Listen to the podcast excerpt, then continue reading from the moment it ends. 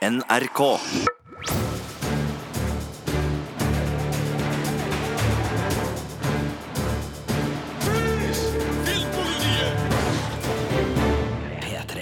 Filmpolitiet skal podde om film og serier, og vi som skal gjøre det i dag, er Sigurd Vik. Marte Hedenstad. og Birger Vestmo. Og vi skal selvfølgelig gi deg dommen over eh, dagens eh, og ukas premierefilmer, nemlig The Predator, Leave No Trace, The Happy Time Murders, Searching og Don't Worry, He Won't Get Far On Foot. Marte, du har sett serien A Discovery of Witches. Men først skal vi inn i TV-ruta for å snakke om Emmy. I'm Michael Che. And I'm Colin Jost, and we are very excited to be hosting the 2018 Emmy Awards. That's right, and this year we decide who wins. No, it's it's still the voters. Yeah, and we know how that works out. Uh oh, political. Natt til tirsdag skal Emmy-prisene deles ut i Los Angeles, og som vanlig skal mine makkere Sigurd Vik og Marte Henstad sitte opp hele natta for å følge begivenheten. Jeg skal proppe meg selv full av godteri og brus mens jeg lynskriver på internett om hva som skjer. Hvorfor er Emmy viktig, Sigurd? Eh, Det er jo den gjeveste TV-prisen. Vi kommer jo ikke unna det at selv om nå Nordiske seriedager Awards hyller eh, nordiske TV-serier, så, så er vi glad i USA, og i USA så er Emmy det gjeveste TV-trofeet, akkurat som Oscar er filmens gullstatuett, og Grammy går til musikk. Og så er det jo et show som pleier å være artig. Nå er det jo Michael Shea og Colin Jost som er fra Saturday Night Live-TV-showet. eh, En Emmy-favoritt i seg sjøl. Artige komikere som jeg ikke kjenner så mye til, men jeg hørte jo bare på lydklippet her at det her er jo folk som har en kjapp replikk, så jeg regner jo med at også showet, talene og potensielt også da skandalene, eller i hvert fall taler som har såpass mye politisk brodd at det blir litt rabalder, gjør det her til en underholdende bit. Og så er det jo verdt å nevne for de som er opptatt av det. Marte skal selvfølgelig også velge ut de kuleste antrekkene fra rød løper, for det er en tradisjon vi har i Filmpolitiet, enten det er Oscar, Golden Globe eller Emmy. Vi er opptatt av klær. Donald Glover så fantastisk ut i fjor. Han hadde en brun dress som bare var helt nydelig. Så ut som det var sånn velurgreier. Så Det det var blir noe, også eh, noe sånn derre Hva heter det? Ikke cardigan, noe eh, Kordfløyel! det var Kordfløyel var det. Mm. Men eh, det du sikkert er mest nysgjerrig på, Birger, er hvem som er nominert i de store kategoriene. Er ikke sånn å forstå? Jeg er kjempeinteressert i å høre om det. Eh, Altså, Egentlig så vet jeg det jo, men eh, for For, eh, For podkastens skyld. Ja, så vet jeg det Lat ikke. som at du ikke vet det. da da vet jeg ikke Ja, hvem da som er nominert. Kan jeg fortelle deg, Birger, at uh, i dramakategorien så finner vi The Americans, The Crown, Game of Thrones, The Handmaid's Tale, Stranger Things, This Is Us og Westworld. Verdt å merke seg her er at ingen av disse seriene er nominert for sin første sesong. Altså Nei. Det er kun oppfølgersesonger som, som drar på her. Eh, The Handmaid's Tale vant i fjor. Game of Thrones vant året før. Grunnen til at Game of Thrones ikke vant i fjor, var eh, i hvert fall for at de kunne ikke delta, for de eh, var ikke med i fjor. Eh, Men jeg syns uansett at The Mm. Jeg tror Handmaid's Tale kanskje var en Handmaid's verdig Tale hadde Ja. av med den seieren anyways. To forhåndsfavoritter der, men i et veldig tett eh, sluggerrace, rett og slett, i dramakategorien. Så har vi da komedia. Der er det Atlanta, Barry, Blackish, Curb Your Enthusiasm, Glow, The Marvelous Mrs. Maisel, som vant Golden Globe eh, tidligere i år, Silicon Valley og Unbreakable Kimmy Schmidt. Ja, hvilken av de seriene har dere ledd mest av? Atlanta. Uten tvil. Eh, I hvert fall, Ja, Jeg altså- ledd mest av den Å, den er vrien, fordi det er en dramedie. Men altså, den jeg har følt mest av, er Atlanta. Eh, og du har vel kanskje en annen en? Ja, altså, jeg elsker jo The Marvelous Mrs. Maisel, som er en sånn herlig liten perle eh, av, en, eh, av en komiserie med en nydelig hovedrolle. Eh, går for øvrig på Amazon Prime her i Norge, så Men, men jeg har jo da ikke sett sesong to av Atlanta, jeg, da. Jeg har bare sett, sett sesong én! Da, da er det jeg som har fasiten, Birger. Det er Atlanta sesong to. Har du sett hele Marvelous Mrs. Maisel? Nei, nei, men jeg har fasiten. Jeg har Atlanta sesong sånt. Ok. Eh, Det er jo også en tredje kategori som er veldig viktig eh, for oss i Ja. Filmpolitiet. Det er jo miniseriekategorien. En tullekategori, spør du meg. Fordi hvem var som vant i fjor? Jo, det var Big Little Lies. Hva er kravet for å være en miniserie? Jo, at det skal være en avsluttende historie som er ferdig. Mm. Hva skjedde med Big Little Lies? Jo, det kommer sesong to. Ja. Diskvalifiser, sier jeg! Få det bort! Få det bort! Kan, kan Emmy-prisen eh, trekkes tilbake i Godt ettertid? spørsmål. Godt spørsmål. Skal, øh, syns vi det? Syns vi at Big Little Lies kanskje skulle ha gitt fra seg Emmyen for altså, beste miniserie? Det spørs hvem, som var, hvem de var nominert eh, sammen med, og på det tidspunktet de mottok prisen, så var det vel en miniserie. Ja, da, det var det. Det- Så det var vel i etterkant at oi, vi fikk Emmy, oi, Ja. dette har gått veldig bra. Hm, skal vi bare lage en ny sesong, få med litt Meryl Streep, få litt mer priser? Blir det en gjentagelse nå? Eh, nei, altså det kan jo være Vi vet jo ikke om det er noen av de seriene her som, som har det potensialet, men jeg tror nok, eh, hvis vi går gjennom de nominerte, så kan vi jo se Patrick Melrose er nominert. Godless, westernserien med Jeff Daniels, er nominert. Eh, Genius Picasso, der Antonio Banderas spiller Picasso er nominert. Eh, The Alienist, eller Psykiateren, som den heter på norsk Netflix, er nominert. Og The, uh, The Assassin... Uh, Assassination. Of Gianni Versace, American Crime Story, er nominert. Og av disse så er jo både Picasso-serien og Versace-serien sesong to av antologiserier. Eh, altså I første sesong av Genius så handla det om Albert Einstein, og i første sesong av American Crime Story så handla det om OJ Simpson. Og den serien vant jo Og Emmy for to år siden. antologiserier er jo greit, for det er jo er avsluttede fortellinger som ikke sant, fortelles på et visst antall sånn som episoder. Pat Patrick Melrose eh, er jo en avsluttende miniserie, men Mm. skriker jo etter mer. Nå vet jeg ikke om det fins noe mer eh, råmateriale å bygge videre på her, men Nei, det gjorde jo vel for så vidt ikke på Big Little Lies heller, så vidt jeg vet. Altså, der dikta de fritt og, Mm. og har bytta ut regissør, så, så det, man går jo videre. Godless går det jo også an å spinne videre på. Uh, men jeg håper jo da Og vi har snakka litt om det, jeg og Marte, i en annen podkast. Vi er så glad i miniserien fordi Mm. miniserien er det du trenger at den skal være. Altså Hvis du har en historie som trenger fire timer, da er miniserien fire timer hvis du trenger det. Og hvis du trenger åtte, så er den det. Og det å begynne å liksom slå mynt på suksesser er et litt sånt farlig, farlig spill. Jeg skjønner at det gjøres, men, men jeg håper jo at øh, det er såpass til kunstnerisk uh, anstendighet uh, at, at kunstnere i hvert fall ja. føler at hvis de ikke har noe mer å si, så holder de Ja, jeg liker best når det får lov å være det som har vært bra, istedenfor at de skal liksom utvikle noe videre bare fordi at det, det funka jo. Skal vi tjene litt mer penger? Havna dere på en favoritt her i miniseriekategorien?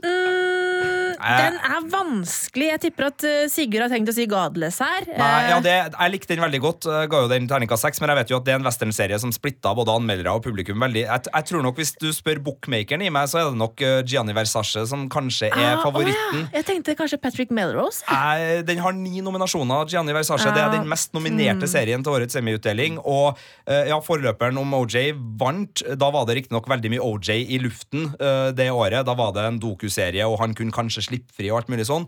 Men eh, nei, jeg tror kanskje American Crime Story har det som kreves her. Men det er et veldig jevnt eh, miniserieløp. Ja. Bare for å klare opp én ting som kanskje noen sitter og lurer på her nå. Hvorfor er ikke HBO-serien Sharp Objects med Amy Adams med her? Godt spørsmål. Det er fordi at den hadde premiere for seint.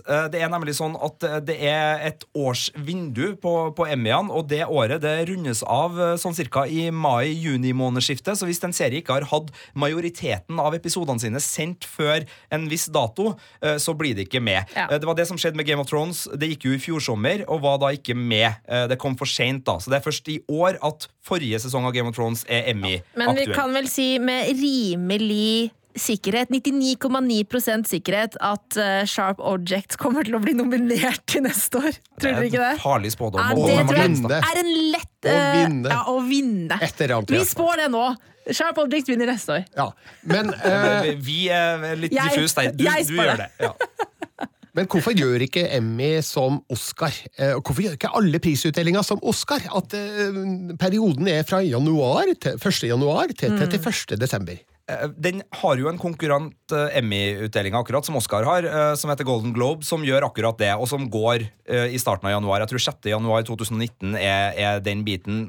Så det kan jo være altså Det er jo tradisjon. altså det er jo Emmy nummer 70. Det, Birgit. det er jo en, en ærverdig institusjon som nå fyller fødselsdag. Så det at Emmy skal være på høsten, er jo fint. Og jeg tenker at det er litt artig, da, fordi eh, det gjør jo at Golden Globe eh, sine TV-seriepriser og Emmy de overlapper jo til en viss grad, men samtidig så får man litt andre utvelgelseskriterier. Noen serier rekker å bli gammel, noen serier føles veldig fersk, så jeg, jeg liker det litt. Og så hadde det vært veldig slitsomt for oss hvis vi skulle på en måte uh, måtte sitte oppe på natta natta i sånn januar-februar, og det var liksom, det var oppe Emmy-natta, oppe Golden Globe-natta, oppe Oscar-natta. Det hadde blitt for mye døgning, så jeg er veldig takknemlig for at det er på høsten. Syter du over verdens beste jobb nå, Marte Enstad?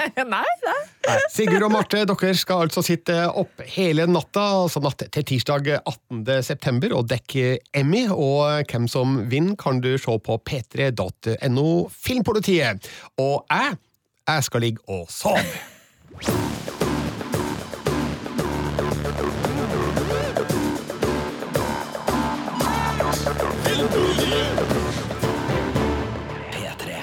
Vi skal kaste oss over ukas premierefilmer i Filmpolitiets podkast. Det skal handle om Leave No Trace, The Happy Time Murders, Searching og Don't Worry, He Won't Get Far On Foot.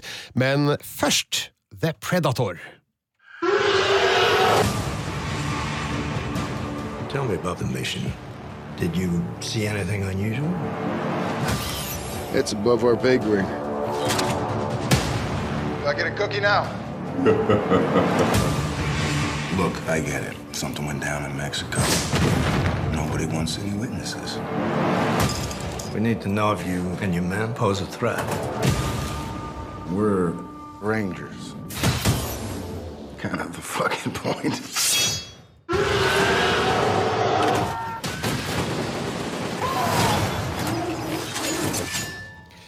The Predator er en oppfølger av Predator fra 1987, og alle som kjenner meg, vet at eh, ja, det her har jeg gleda meg til, fordi jeg elsker den originale Predator. Sigurd og Marte, dere har også sett den? mange ganger. Digger den. Eh, jeg, da jeg så den første gang, så var jeg så liten at broren min måtte forklare meg at eh, predatoren hadde sånn varmesøkende syn, for jeg skjønte ikke helt hva som skjedde. Så det er så lenge siden jeg så den. Ja, nei, eh, jeg er også glad i Predator. Så den senest her for noen uker siden i en nyrestaurert utgave som jeg fikk lån av deg, Birger. En såkalt 4K UHD Blu-ray-utgave som var veldig vakker, og som hadde akkurat den 80-talls nostalgien jeg var på utkikk etter når jeg smelte inn i spilleren. En, en kul monsterfilm, sjøl om jeg syns i overkant mye foregikk i infrarød. Sånn sett i ettertid. Da. Det, var ikke så mye, da. Altså, vi snakka jo om eh, Predator i en tidligere podkast, eh, og jeg så den jo på kino, selvfølgelig, i 1987, og ble jo bergtatt av dette monsteret fra verdensrommet som lander i en jungel og skal jakte på Arnold Schwarzenegger og hans soldatbuddies. Det gikk vel ikke så bra, etter det jeg husker. Men eh, nå er det altså en ny film på trappene. Det har jo vært et par eh, Predator-filmer i mellomtida, nemlig Predator 2 fra 1997, som jeg syns er mye bedre enn sitt rykte, med Danny Glover i hovedrollen. Og Predators fra 2010, som jeg må innrømme jeg ikke husker så veldig mye av, egentlig. Eh, og så har vi jo fått eh, to Alien versus Predator-filmer, fordi eh, Alien-monstrene og Predator-monstrene eh, er jo da etablert i samme univers. Og eh, vel, man kan synes hva man vil om det, men nå er det da en ny film, The Predator, som er helt fri for eh, aliens, men den har en skal vi kalle det forbedra versjon av dette Predator-monsteret. for ting har skjedd, uten at jeg skal avsløre så mye om, om det. Eh, Men eh, bare for å ta det menneskelige aspektet først, da. Vi møter en skarpskytter, eh, Quinn McKenna, spilt av Boyd Holbrook, som vi kjenner fra de to første sesongene av Narkos. Han blir nesten truffet av et eh, styrtende romskip. Eh, Han finner noe i vraket som han eh, sender med posten til seg sjæl, før han blir arrestert av noen shady folk fra myndighetene, som vil legge lokk over hele greia. Han blir satt på en fangetransport sammen med flere litt skumle og uberegnelige eks-soldater som kanskje har en skrue løs eller to, spilt av Thomas Jane, Travanti Rhodes, Alfie Allen, Augusto Aguilera og Keegan Michael Key. Og så må de etter hvert forsvare seg mot denne predatoren, som er på jakt etter det som McKenna stjal fra vraket. Og så tenkte jeg å si så veldig mye mer enn det, da, bortsett fra at det her eh, resulterer i veldig mye barsk, blodig og brutal action, veldig mange monstereffekter, og så er det mye av uh, svart humor her, som jeg må innrømme jeg lo av, sjøl om jeg innerst inn vet at ja, det her bør jeg ikke le av. Altså, jeg tror jeg har sett alle Predator-filmene, og noen av de flere ganger. Men kan man se den her eh, altså, hvis man aldri har sett noen av filmene? Ja, definitivt, fordi hele opplegget for forklares ganske enkelt eh, i, i løpet av filmen, så du, du, må ikke ha kjennskap til Predator fra før. Men det er gøy da for de som er gamle fans. Du kan humre litt for deg sjøl. Humre liksom. litt for seg sjøl, og se at ja da, filmskaperne de, de vet hva de driver med. Og det er jo ikke rart, fordi regissør og manusforfatter Shane Black han har et ganske godt kjennskap til den første Predator-filmen, fordi han spilte en rolle i den. Og han har jo etter det eh, levert manus til kjente filmer som Dødelig våpen og Den siste speider, så han, han var på 1990-tallet en av Hollywoods mest ettertrakta manusforfattere. Nå i det siste så har han eh, fått et eh, slags comeback med Kiss Kiss Bang Bang og eh, Iron Man 3 og, og, The Nice Guys, som gikk på kino for et par år siden. Så han veit hva han gjør, og han laga en film som er bevisst på hvor den kommer fra. Hmm. Jeg tenker at eh, Det er usannsynlig at du kommer til å slakte denne filmen uansett, Birger. Men, eh, men hvis du skal liksom driste deg til en, en terning på noe så kjært og, og koselig som Predator-universet er for deg, hvor havner vi igjen da? Vi havna på fireren. Vi gjorde det. Eh, jeg skal innrømme at jeg på et tidspunkt var litt ned på treeren, fordi det er en del ting i filmen her som sjøl ikke jeg, som er Predator-fanboy, med hånda på hjertet kan si er veldig, veldig bra. Den har ikke den samme visuelle slagkraften som originalen, og det er jo litt rart å tenke på eh, at en film som er over 30 år gammel, eh, tar seg bedre ut på kinolerretet enn en eh, film fra 2000 og Hvilket år er vi nå? 18? 18. Kan jeg bare spørre en kommentar til det? Ja. Er det bare CGI-orama nå, liksom? Uh, jeg tror at det er en miks. Det er litt vanskelig å avgjøre hva som er hva, men eh, det er nok litt av begge deler. Ja. Og eh, CGI-en er grei, uten å være vanvittig. Og monstereffektene, som er practical effects, de er også av godkjent kvalitet. Men skjønner at her er det noe digital trickery involved. Du skjønner at det ikke er ekte? Skjønner at det ikke er ekte. Ja, det, her, det, her, kan jo ikke være ekte, og da blir jeg jo litt uh, skuffa. Ja. Eh, samtidig så føler jeg jo på savnet av Arnold Schwarzenegger, mm. som jo var en imponerende skikkelse i den første Predator. Eh, nå er ikke Boyd Holbrook eh, en eh, spjæling, han heller. Han gjør en grei rolle som småmorsom kjekkas, men eh, filmen hadde trengt en hovedrolle som kunne virkelig bryne seg på Predatoren. Så The Predator det er slett ingen katastrofe, og den innfrir da så vidt de forventningene jeg hadde, som jeg da på forhånd hadde skrudd ned. Eh, men eh, jeg syns at det her er bra for alle som liker god, gammeldags 80-talls-action. Så den fireren, ja, den skal jeg stå på.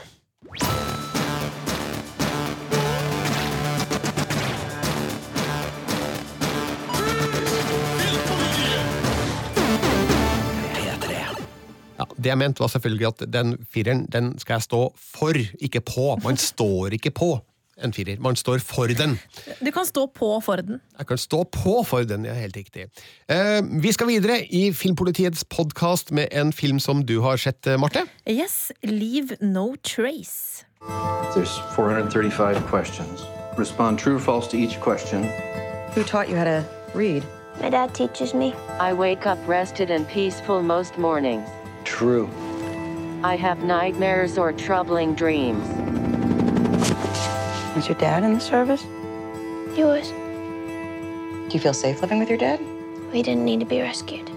Your dad needs to provide you shelter and a place to live. He did. Leave No Trace heter altså filmen som er regissert av Deborah Granick. Hun er da mest kjent for filmen som introduserte hvem til verden, Marte? Jennifer Lawrence, nemlig Winters Bone. Eh, og nå har Deborah Granick funnet en eh, skikkelig talentfull ung skuespillerinne nok en gang. Eh, nemlig Thomasin McKenzie. Det blir spennende å se da, om hun får en like forrykende karriere som Jennifer Lawrence har fått. Ok, nå bryter jeg inn med en gang her. Hvilken fantasybokserie ville du i så fall ha kasta hennes vei? Du som er fantasy-dronningen der, eh, Oi, oi, sånn, oi. eh, i en sånn Hunger Games-parallell. nei, det var veldig vanskelig. Det er en sånn ny Harry Potter-serie fra en australsk forfatter noe som mange snakker om. ikke det? Som, Ja. sånn, ja, kanskje. Ok. Nok fra meg. jeg tror ikke, jeg tror ikke ja, Det ville man kanskje ha sagt om Jennifer Lawrence også. Man hadde kanskje ikke forventet at hun skulle ende opp i både science fiction og, og fantasy-filmer, men det gjorde hun jo. Uh, Men Thomasin McKenzie, altså. Hun, hun er nå 18 år, så hun var vel litt grann yngre da hun spilte inn denne filmen. Eh, Hun spiller da eh, en jente som heter Tom, som bor sammen med faren sin eh, ute i skogen. Will heter han, blir spilt av Ben Foster. Um, og han har da oppdratt datteren sin ute i skauen. De bor i telt, de plukker sopp, de dyrker sine egne matvarer. eh, har nesten ikke noe kontakt med omverdenen, eh, fordi han har noe skikkelig psykologisk trøbbel. Han har vært i en eller annen krig. Og vil isolere seg fra omverdenen. Han har rett og slett en sånn eh, posttraumatisk stresslidelse, og har da valgt å på en måte oppdra datteren ute i skauen, langt fra alle. Jeg får skikkelige vibber til en annen film eh, som vi har snakka om tidligere, Marte, nemlig Captain Fantastic med Viggo Mortensen, der eh, jo han eh, spiller en far som oppdrar alle barna sine, jeg tror det er sju stykker, jeg, i skauen. Eh, Er det noe likhetstrekk her? Eh, Det kan jo, du kan jo si litt at det er likhetstrekk, men, men de bodde jo eh, De hadde jo i hvert fall tak over hodet, og at det var mer en sånn slags ideologi som lå bak. Her er det litt mer psykisk sykdom som ligger bak. Og jeg vil også si at denne her er nok hakket mer realistisk. Eh, Det er basert på en eh, bok som jeg nå ikke husker navnet på i farta, som igjen er basert på en sann historie. eh, Om da far og datter som bor da i en svær sånn skogspark utafor Portland i Oregon. Og det, er det, det som jeg syns er så fint med den filmen her, er at Deborah Granick, hun, hun lar skuespillerne komme til sin rett. Altså, hun er veldig sånn Hun gjør ikke så veldig mye ut av sitt eget formspråk i filmen. Altså, det, det er veldig Det er stille, det er ikke så veldig mye musikk. Det er litt sånn lange, dvelende scener hvor, hvor uh, både McKenzie og um, og uh, Foster. Foster, takk. Uh, Får på en måte spilt ut med hverandre. Og um, det, det gjør at det blir en veldig sånn stillferdig og kanskje litt saktegående film for noen. Um, men det er et sånt nydelig samspill eh, mellom Foster og McKenzie. Um, og begge to har, er på en måte litt sånn underspilte uh, i, i, i figurer. Altså de, det er veldig mye som skjer på innsiden, som rollefigurene ikke lar slippe ut, uh, og som da skuespillerne klarer å gjenskape på en veldig fin og jordnær måte. Da. Um, som gjør at du kommer veldig nært på rollefigurene.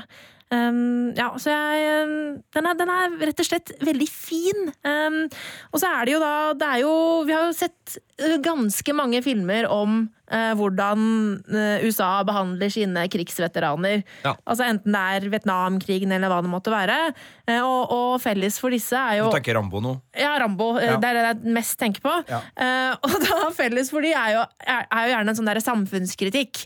For eksempel, hva heter den med Tom Cruise, 4th of July, er det det? Født 4. juli. Født 4. juli. Altså, det er en sånn kritikk av hvordan de behandles av samfunnet når de kommer hjem, hvordan samfunnet har svikta dem og alt mulig sånn. Um, det handler egentlig ikke denne her filmen så veldig mye om. Um, altså disse sosialarbeiderne som på en måte tar eh, McKenzie og eh, Nei, altså Tom og Will inn eh, og prøver å få dem ut i samfunnet igjen. De blir ikke liksom noen sånne bad guys i filmen her. De er ikke noen antagonister som på en måte river dem ut av deres tilværelse. De prøver å hjelpe dem. Og så er det veldig mye sånn medmenneskelighet som Tom og Will møter rundt omkring i, i filmen, som er veldig fint. Så det er mer en sånn slags hyllest av at det fortsatt finnes mennesker med omsorg for hverandre eh, i dette storsamfunnet, da, mer enn en sånn der kritikk av hvordan samfunnet har blitt. Og det syns jeg er veldig fint. Vet du hva, Det tror jeg folk kan trenge å se. Mhm. Jeg kjente at uh, ja, her er kanskje en sånn film som jeg liksom legger på den der, ja, den, den må ses. Men når du sa det der nå, så tenkte jeg, er ikke det kanskje det jeg trenger i helga? En liten Ja. sånn gnist av uh, god medmenneskelighet? Jo, den, den, den er jo det, men så, så er det jo Det er jo nok ikke en film for alle heller. Eh, det er ikke en sånn trivelig film, eh, hvis jeg fikk det til å virke som det nå. Altså, det, den er eh, den kan, nok, Overhodet ikke. den kan nok være litt sånn kjedelig for noen, fordi den er litt sånn Den går i et sakte tempo, er dvelende, har veldig lite dialog, alt mulig sånt. Um, jeg syns det bare understreker uh, tematikken, men det kan kanskje bli litt kjedelig for noen. Um, men hvis man liker en sånn type film, så anbefales den på det varmeste fra meg. Det blir en terningkast fem. Ble det grining? Det ble grining. Leave No Trace, herved anbefalt altså. Vi skal videre til en film som eh, jeg bare kan si ikke er anbefalt i det hele tatt, nemlig The Happy Time Murders. 50 cents, I'll suck your dick. well, it's a great price. It almost makes me wish I had a dick for you to suck. Oh, I'll take that as a yes. You two are the most decorated officers in this department. What do you say? Looks like a robbery gone wrong to me. This wasn't a robbery, this was a hit. What the? Someone out there is killing puppets. Hey, handsome. You looking for some rotten cotton? I'm a woman. The Happy Time Murders er basert på en idé som eh, i utgangspunktet er god. Eh, det er altså da en grov krimkomedie med Muppets. Altså tøyfigurer kjent fra Sesam Stasjon og eh, The Muppet Show, eh, først og fremst. Altså den typen dukka dukker, da. Og vel, vi har alle et forhold til Muppet Show, har vi ikke det? Elsker det. Ja, Elsker det. Altså, jeg har ikke Elsker så det. mye forhold til The Muppet Show, men jeg har et ekstremt sterkt forhold til den ju julefortellingen uh, av The Muppets. Ja. Mm. De er morsomme, søte og sjarmerende, og det er litt morsomt at de blander seg sammen med mennesker og alt som oppstår der i det skjæringspunktet, ikke sant? Ja, Vi kan jo være såpass rause at vi også sier at av og til så er det både poengtert og ganske sånn god samfunnsbrodd i komikken de kommer med. Altså, de, de har jo hatt noen runder der de treffer også litt sårt og litt Absolutt. godt. Ja, The Happy Time Murders gjør ikke det. Det kan jeg si med en eneste gang. Altså, den, den har altså en god idé, eh, men ikke noe mer, og det er for lite for en film som varer i en og en halv time. Eh, Den er laga av eh, Brian Henson, som er sønn av Muppet-show-skaper Jim Henson. Eh, Og han har da gått inn for å eh, sjokkere et eh, voksent publikum ved å sette disse kjente og kjære figurene Altså, det er ikke de samme figurene fra Muppet Show, men den samme typen figurer da fra Muppet Show inn i en verden fylt av sex og vold. Og Melissa McCarthy er den stakkars skuespilleren som er nødt til å være det menneskelige aspektet oppi alt det her. Og det ser faktisk ut som at hun ikke har det særlig komfortabelt foran kamera. Eh, Det er jo vanskelig å vite hva en skuespiller egentlig tenker på fra scene til scene, men det ser ut som at hun forstår under innspillinga at eh, ja, men det her kommer ikke til å gå veldig bra. Ja, altså, jeg lurer på, Har Melissa McCarthy skrevet under på en eller annen kontrakt med et eller annet filmselskap at hun må lage så og så mange ræva drittkomedier? Fordi at det, Jeg syns hun har hatt så mange dårlige filmer de siste det åra. Adam Sandler-pakten? Ja, seriøst! Har hun, har hun inngått en eller annen ond pakt? Hun, jeg syns det er så synd, for jeg liker Melissa McCarthy som skuespiller, men hun har spilt i så mye ræva. Tammy og Spy og Bridesmaids ja, Bridesmaids var bra, da. Ja, det er noen godbiter inni Det er noen godbiter innimellom, men uh, jeg tror kanskje at eh, The Happy Time Murders er en av filmene som blir eh, ranka nederst da på hennes liste. Eh, historien foregår i Los Angeles, der en eller annen tar livet av de gamle Muppet-stjernene fra en serie som heter The Happy Time Gang. Eh, og så er det en privatdetektiv, Phil Phillips, som eh, interesserer seg for saken og begynner å etterforske den. Og så blir han da eh, motvillig satt i partnerskap med sin gamle makker i politiet, spilt av Melissa McCarthy. De var da partnere en gang, helt til det skjedde noe, som vi får etter hvert avdekt i, i filmen, som gjorde at det, det oppstod en, en dyp rift mellom dem. Men nå må de altså da samarbeide igjen, da. Og de beveger seg da i et miljø fullt av eh, eh, kriminelle eh, ranere, mordere, halliker, horer. Eh, ja, det er egentlig en del eh, humor her som går langt under beltestedet, og overdriver veldig, og det kan jo tenkes at noen syns er gøy. Filmen har tolvårsgrense. Eh, Jeg syns kanskje det var litt lavt, men, eh, men, men de som er rundt tolv, vil kanskje sette veldig stor pris på underbuksehumoren da i eh, denne filmen, The Happy Time Murders. Men sjøl så satt jeg med følelsen av at ja, men det her var jo slitent, treigt og kjedelig, fordi den lener seg på klisjeer fra krimfilmsjangeren som vi har sett veldig mange ganger før, og det er ikke så artig, eh, sjøl om det er Muppet-dukka som utgjør halvparten av rollegalleriet her. Jeg må bare si, eh, Det er så mye serier og filmer som står på lista, som jeg liksom føler å, jeg må se det der, jeg må se det der. Og så kommer du nå, Birger, og er så hyggelig at du rett og slett bare sier den slipper du å se. Det er i hvert fall sånn jeg tolker det. Jeg, jeg stryker uh, Happy Time Murder, så tenker at den kan jeg leve et godt liv uten å sjekke ut. Altså, Jeg gikk til filmen med forhåpninger, fordi jeg har gode minner fra The Muppet Show, men jeg ble bare skuffa. Denne filmen mangler sjarmen og appellen som, som gjorde Muppet Show så, så bra, så uh, The Happy Time Murders er det dessverre bare å unngå. Så har vi en film, nei, vi har to filmer igjen vi skal innom. Uh, Den første heter da Searching. I'm Margot. I'm 15. Student. 911, what's your emergency? I'm calling to report a missing person. Okay, who is this regarding? My daughter. I'm the detective assigned to your daughter's case. I need to know how everything unfolded. Understood. Searching heter filmen, og den har du sett, Sigurd. Kan du forklare hva det her går ut på? Jeg kan bruke en gammel film for å forklare hva den her går ut på. Eh, Birger, du husker skrekkfilmen Unfriended fra et par år tilbake? Vet du det? Jo, jeg anmeldte den, stemmer det? Altså Der alt foregikk på dataskjerm og med skyping og FaceTime og teksting og sånn? Og der har du oppsummert hva som foregår i searching, der alt foregår via dataskjerm med teksting og skyping og FaceTime og sånn. Akkurat! Nei, ja, det var veldig reduserende. Ja, det var veldig reduserende. Nei, eh, det her er en film eh, som da heter Searching, og den tittelen henspiller på to ting. Det er eh, på historiefronten en intens og fengende far leter etter datter-thriller. Taken? Eh, ja, det er litt mer realistisk okay. og, og, nedpå.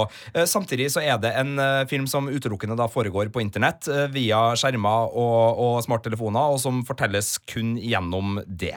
Eh, det er John Shoe, kjent fra annet Harold og Kumar-komediene, og eh, masse artige biroller, i alt fra Star Trek til How I Met Your Mother, som da endelig har fått en hovedrolle. Og han er en veldig god skuespiller som behersker dramatikken i denne uh, Late etter dattera si, si. Eh, og så er det jo han da som tar mesteparten av skjermtida, for det er liksom hans laptop og hans eh, telefon vi stort sett følger, da han involverer både politi og familie, og begynner å innse da at han kjente dattera ganske godt, men hun har da et digitalt liv som eh, han må nøste og søke seg gjennom for å finne ut hva det er som har skjedd der. Jeg vil ikke si så mye mer om handlinga, for det her er en sånn film som oppleves eh, best når den eh, kjennes.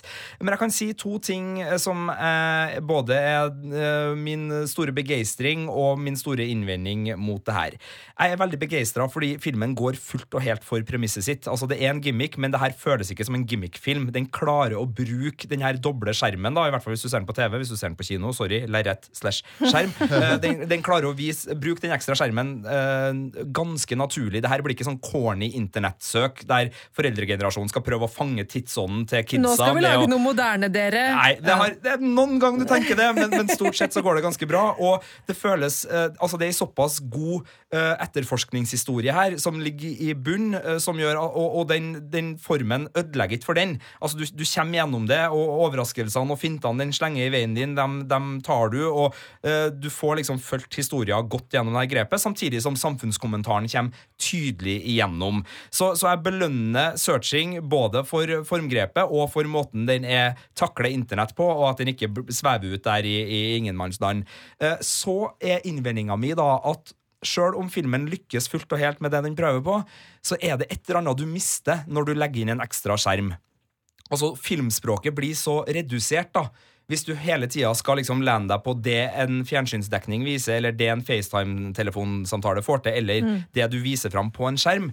Du får ikke den der eh, nesten teit å si det, men du får ikke den der ekstra dimensjonen av et bevegelig kamera og miljøskildringer som gjør at du liksom kommer under huden både på hvor vi er og hvem det er vi snakker med. Og det kjenner jeg, sjøl om jeg vet at filmskaperne ikke har prøvd på det, så kjenner jeg det som et savn når jeg ser Searching som den uh, spenningsthrilleren den er. Uh, så der er min innvending. Så jeg klarer ikke Jeg har lyst til å gi den her en femmer, fordi at jeg syns det er så godt at den lyktes med så mye, men jeg havner ned på fireren. En, en solid firer, da, uh, fordi jeg jeg merker at jeg blir ikke så grepet at jeg virkelig vil si at det her er en spenningsthriller jeg plasserer sammen med Seven og andre godbiter som jeg har i femmerkategorien min. da. Ja, Men altså, er Seven bare en femmer? Ja, jeg kan ikke gi seks til Seven. ok, Men en, ting vi har snakka om på kontoret, var jo også at dette med formgrepet, og, at eh, For det begynner med at det, alt han eh, altså ser på, er det vi ser. Eh, og så har du snakka om at det var et par ganger hvor det plutselig bare var en skjerm som Hvem er det som ser her? Ja, eh, De gaper veldig høyt med det formgrepet, og av og til så glipper det litt. fordi at alle skjermene vi ser på, er det angivelig da en rollefigur som ser på. Det er på en måte Vårt, eh, vårt utsnitt er liksom gjennom eh, rollefigurene. Men det er noen av de skjermene vi får se utover filmen, som Ja. jeg tenker Hvem i all verden er det som sitter og ser på den skjermen Og her, det blir jo irriterende, Ja, syns det, jeg. det er litt gnagsår i det også, så det er å trekke litt ned, altså.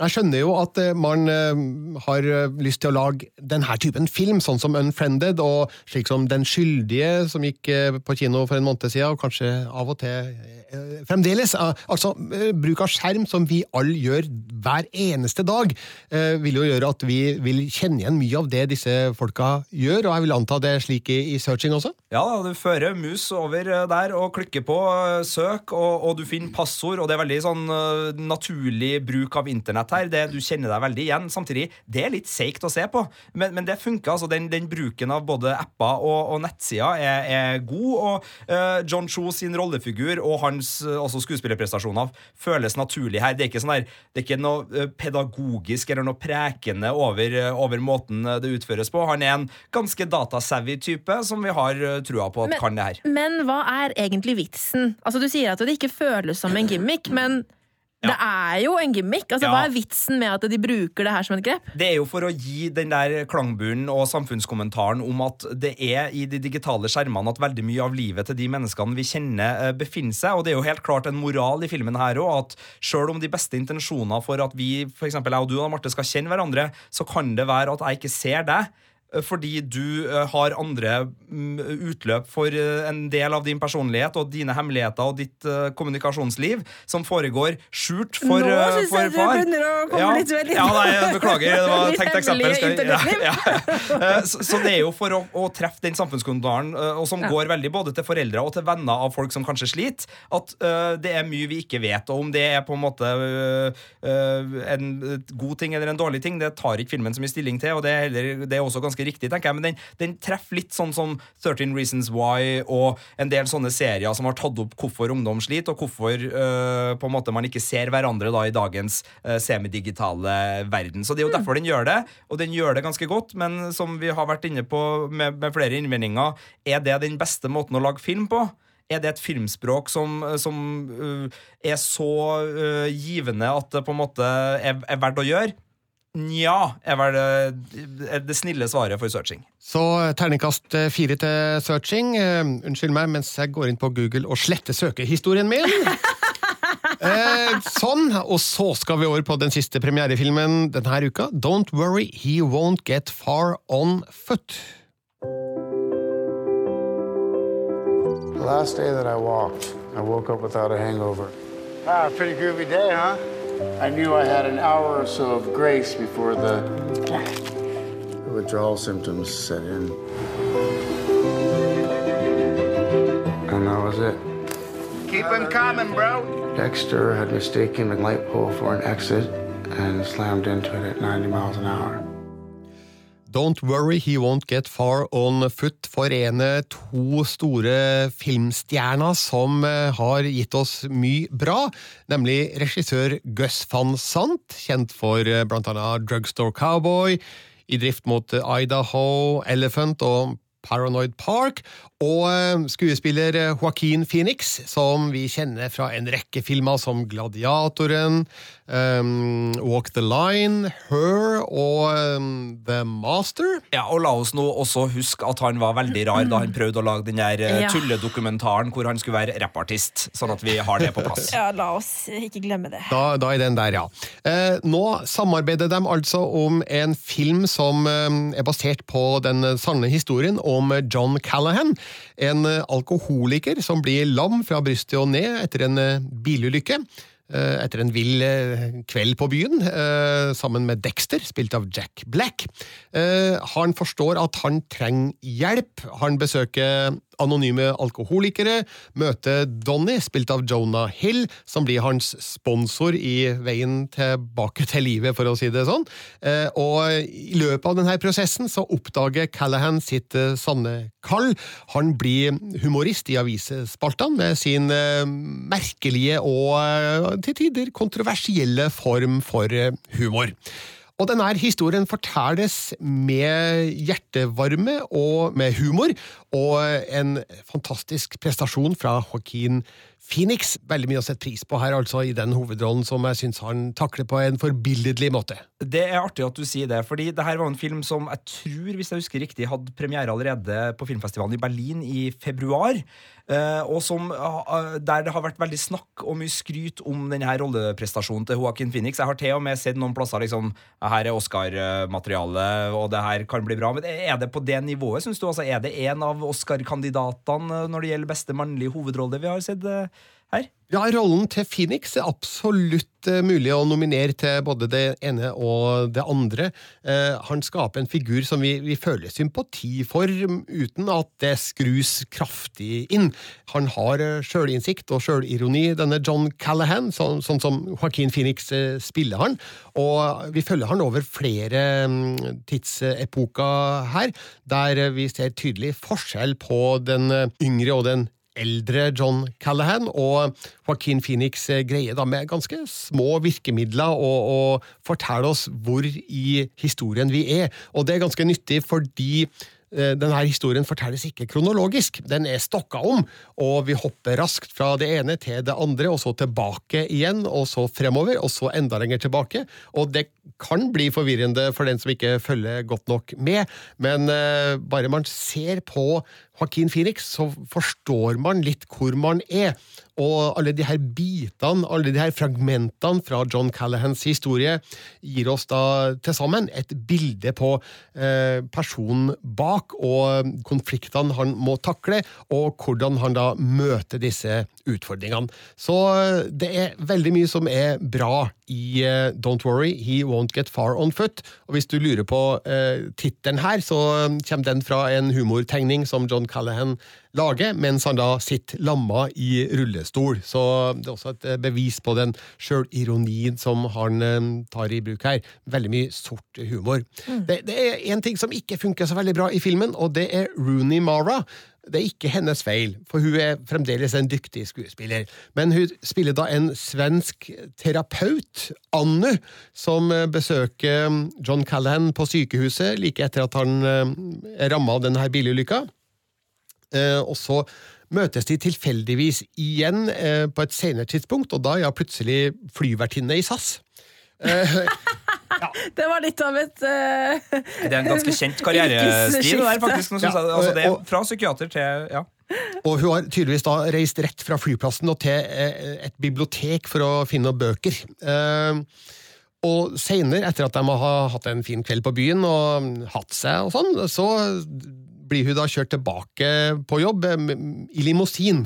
Eh, Så veldig mye rart der. så Nesten så man kan lure på om hun er en sånn drømmefigur som er et figment av hans fantasi, men det skal visst være basert på noen virkelige kvinneskikkelser fra John Callahans eh, liv, det her. Så, men det er en litt merkelig formgrep der fra Gus van Sant som jeg ikke syns passer inn, og jeg tenker at filmen hadde vært like grei uten denne Annu-figuren. Men uh, don't worry, he won't get far on foot. Det er en god film fra Sant. Det er kanskje ikke en av hans mest fullendte filmer, fordi han har laga noen virkelige innertiere. Men uh, portrettet av John Callahan eh, løftes frem av Joaquin Phoenix sin sterke prestasjon, eh, og det er en film som fortjener å bli sett på kino. Jeg har gitt terningkast eh, fire, og det betyr at det er en klar eh, anbefaling. Jeg vet veldig mange ikke er så veldig glad i fireren, men vi i Filmpolitiet syns at det er en helt grei karakter. Ja, nesten, nesten vår sekser, det tror jeg. Det, Og med det så forlater vi ukas eh, premierefilmer. Vi har altså snakka om The Predator, Leave No Trace, The Happy Time Murders, Searching og Don't Worry, He Won't Get Far On Foot. Filmpolitiet. Filmpolitiet På P3. Skal vi tilbake inn i TV-ruta og en serie du har sett, eh, Marte? Oh yes. Uh, I, eh, tidligere denne uken, faktisk, så dreiv jo Sigurd og jeg og gleda oss til serier som kommer i høst. Ja. Og en av de seriene var A Discovery of Witches. Ja. Once the world was full of wonders. But it belongs to humans now. We have all but disappeared. Witches hiding in plain sight. Professor Claremont, you're a vampire.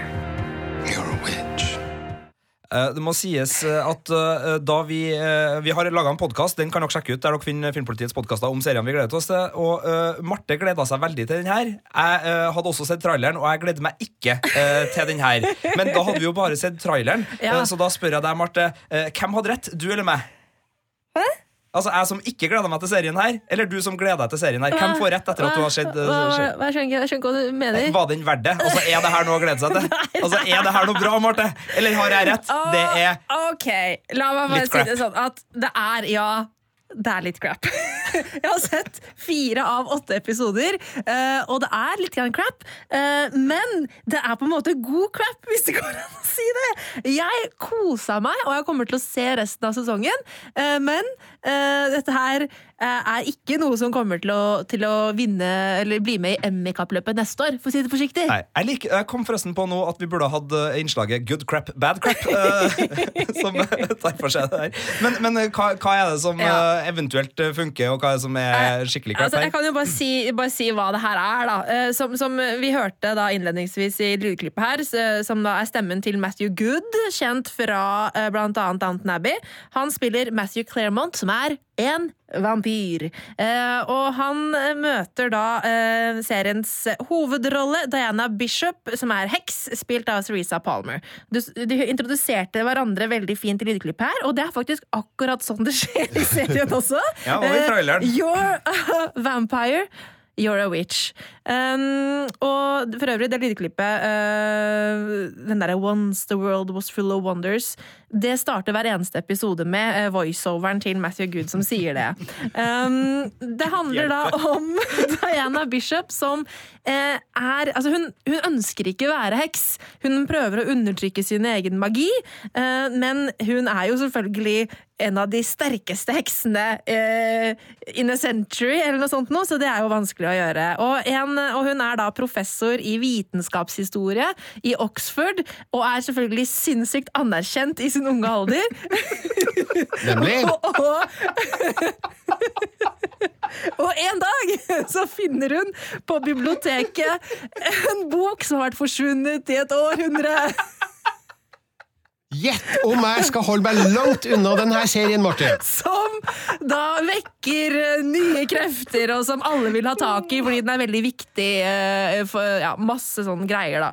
Og så er det da en liten sånn politisk krig mellom hekser, vampyrer og demoner, som da har sånn et sånt maktsete i Italia, selvfølgelig. Og det er jo heller ikke lov for uh, uh, på en måte interspecies relations, og det blir jo da et kjempeproblem når det selvfølgelig uh, Diana er en helt sånn der umulig å motstå for Matthew. Å si at det fødes en vampyrheks i løpet av serien. Det er veldig Twilight-opplegg der, altså. Oi, oi, oi. Ja, men, men jeg tenker jo sånn Ja, jeg, fordi mens du ramsa opp nå, så beklager beklager at jeg lå og flira på gulvet. Det, det, det er meg. Men jeg tenkte også Å ja, men det er jo sånn som i Buffy. Å ja, men det er jo sånn som i Twilight. Å ja, det er jo sånn som i Harry Potter. Det høres jo ut som det er en sånn lavbudsjetts vindusshopping som bare stjeler elementer fra alle populære TV-serier, bøker og Yes. fantasyfilmer og bare koker det sammen til Det- den, øh, og, og, det- og det virker jo ikke som det er noe skamvett her. Det virker Nei. jo ikke som de prøver å, å liksom late som om at de er noe, noe mer øh, raffinert enn de er i det hele tatt. Det virker som det er bare sånn her blokkbokstav. Sånn er vi. Det her er sånn. Skummelt. Fantasirikt. Romantikk. Altså, det virker som de bare sier bestanddelene sine og venter at folk skal Ja. føle. Men altså, er det mulig å føle noe her? Eh, det er det etter hvert. Eh, det er veldig dårlig kjemi mellom Matthew Good og Theresa Palmer i starten. Og det skylder jeg på Theresa Palmer for, for jeg syns Matthew Good gjør en god figur, mens hun er har, jeg tror nok det har noe med at hvordan hun prøver å få rollefiguren til å være. Hun er en skolert professor som på en måte lever hele livet sitt i denne tilværelsen. Men hun blir veldig sånn studert i måten hun snakker på. Hun er veldig sånn tilgjort. Eh, og alt sies veldig dramatisk. Vet du hva, Det her høres ut som en pornofilmversjon av en fantasyserie. og 'disse kreftene ønsker ikke jeg', 'du er en vampyr' altså det, så, så det tar ganske lang tid før jeg føler på noe her. Er det pornofilmskuespill? Det er ikke pornofilmskuespill. For det høres litt sånn ut. Uh, nei, det er ikke så sensuelt. Okay, ja. uh, sånn at, eh, men etter hvert så, så begynner det å mykne opp litt, og i, den, i episode fire, da, da var jeg med. Da, da, da begynte jeg å tro på forholdet dem imellom. Um, Um, ja. Hva vet dere egentlig om pornofilmskuespill? Det ble jeg interessert i nå. Hva, ja. Ha, har du god tid? Hvor lang tid har vi igjen av podkasten? Vent nå litt. Nei, Jeg tror kanskje vi må spare det til neste podkast. Ja, men men nå, er jeg, nå er jeg veldig negativ. Uh, og, for det er ting å hente her. Og, og det er eh, også ganske spennende med dette, her, dette manuskriptet som hun finner, og som på en måte er en slags port til noen krefter, og det er, noe, og det, det er litt de der politiske greiene som ligger i, liksom, i denne underverdenen da, som vi befinner oss i, er også ganske kult. Um, sånn Det var fra True Blood, forresten. Det med spillpolitikken. Det ja, fra True Blood. sånn at, ja. eh, Og Twilight, for øvrig. Um, Men jeg, um, jeg koser meg med det.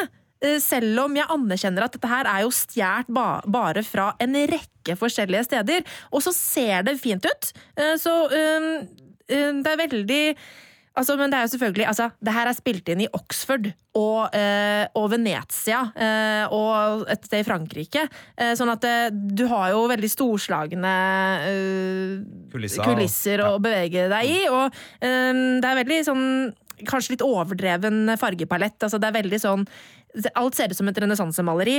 Um, og de er også veldig opptatt av at uh, alle blåfarger i, uh, i, i serien skal matche øyenfargen til uh, Teresa Palmer. Men, men, eh, men jeg koser meg med det. Eh, så det, blir, det, er ikke, det er ikke krisekarakter det er, selv om, selv om jeg kan, kan le av det. Eh, det blir nok en liten guilty pleasure, så det, det er terningkast tre, altså. Ja, jo, men det, det kan Eh. jeg skjønne. Men, men er det her en sånn serie som eh, kun er for dem som allerede er glad i sjangerfans? altså, Ja, de, de ja. har ikke Game of Thrones-egenskapene til å liksom uh, trollbinde uh, folk som ikke allerede er invitert på festen? På ingen måte. Hold deg langt unna. Men liker du Twilight, så skal du kose deg med A Discovery of Witches. Filmpolitiet.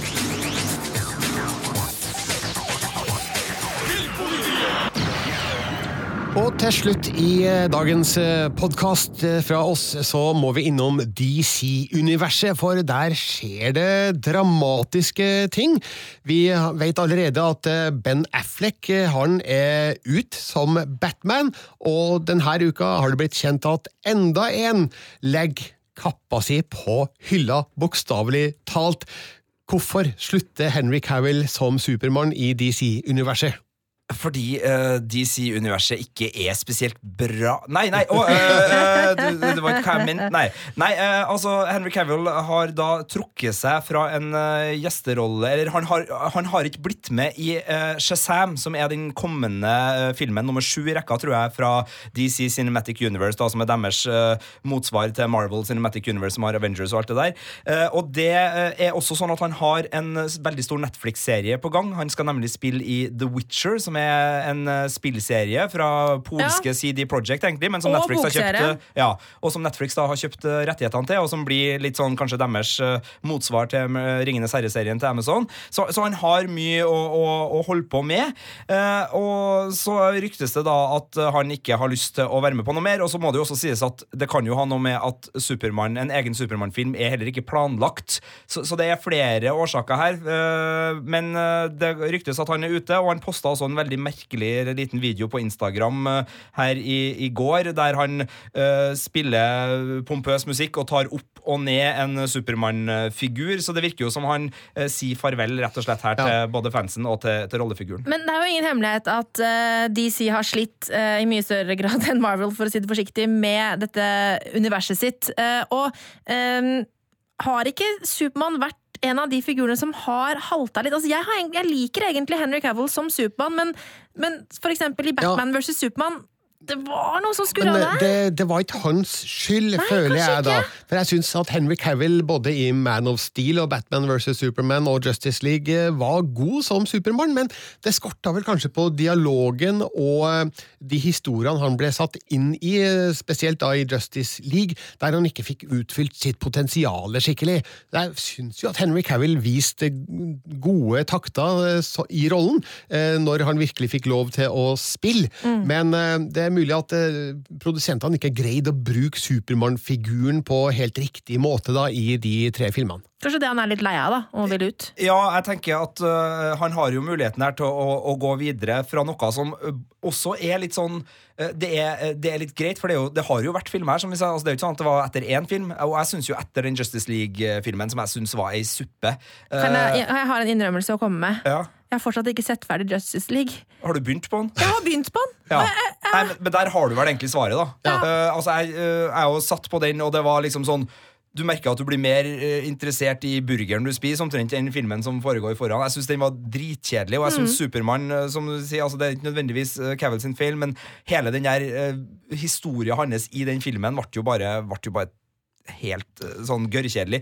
Så jeg tenker det er en fin tidspunkt å forlate skuta på. Eh, Ben Affleck og, som vi sa, er ute, så da er liksom Batman og Superman. Og det virker jo som eh, Og det er jo rykter, da, men altså, nå skal jo også fokuset litt bort fra den, de to rollefigurene også i filmene som kommer fra DC. Det blir Shazam. eh, det blir vel en Supergirl. Eh, film som skal foregå i en annen tidsepoke enn i den uh, tida som Supermann uh, til Henry Cavill holder på i.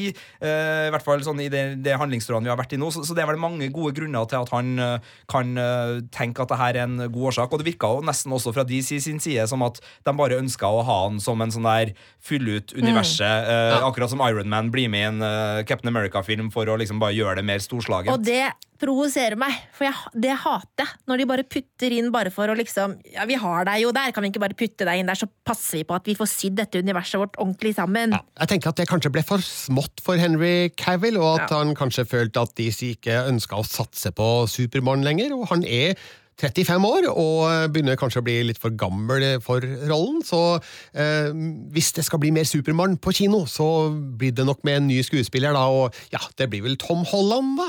Ja, det tror jeg. Nei da, det, det kan jo fort bli det. Men, men nå er vel i hvert fall eh, både Aquaman og, og det er også snakk om uh, Flash-filmer på, på gang her, så, så det er jo andre skuespillere som Aquaman-film, føles det, altså, det gleder jeg meg Ja, jo, Det var det det eneste som var bra med Justice League, var Jason Momoa. men, ja, men hva sa Jason Momoa og Ezra, Mil nei, ja, Ezra Ja, Miller, da, som er de to som skal spille? Føles ikke det som mye mer interessante superhelter å Jo, se? Er ikke, bare, er folk bare tror- mye mer gira på det? Jeg tror vi er litt lei av Batman og Supermann nå, for de har vært så mye til stede at eh, det er kanskje rom for andre DC-figurer til å komme frem og ta det lyset, ta den spotlighten. Så vi får eh, se hva som skjer der, men det er i hvert fall farvel da til Henry Cavill som Supermann. Jeg syns han var ålreit, sjøl om alle filmene han var med i, kanskje ikke var det.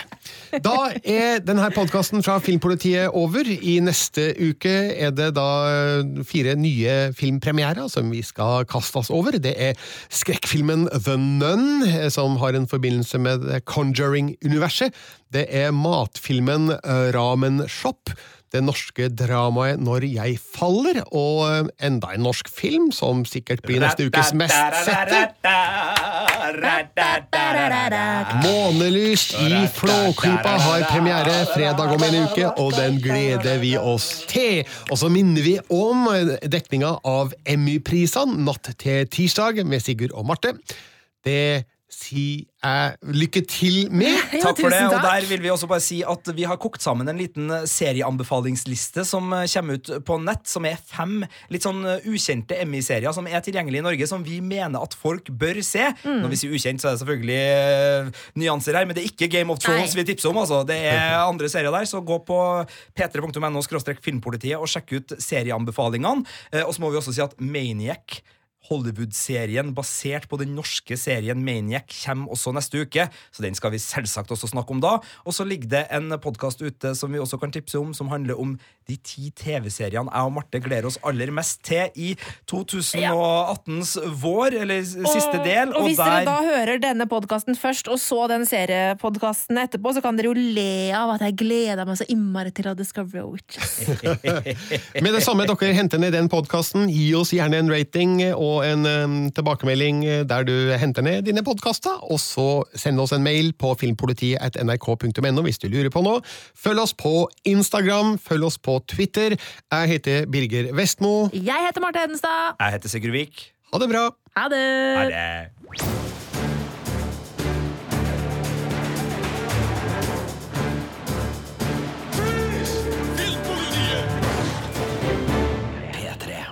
Du finner flere podkaster på p3.no podkast.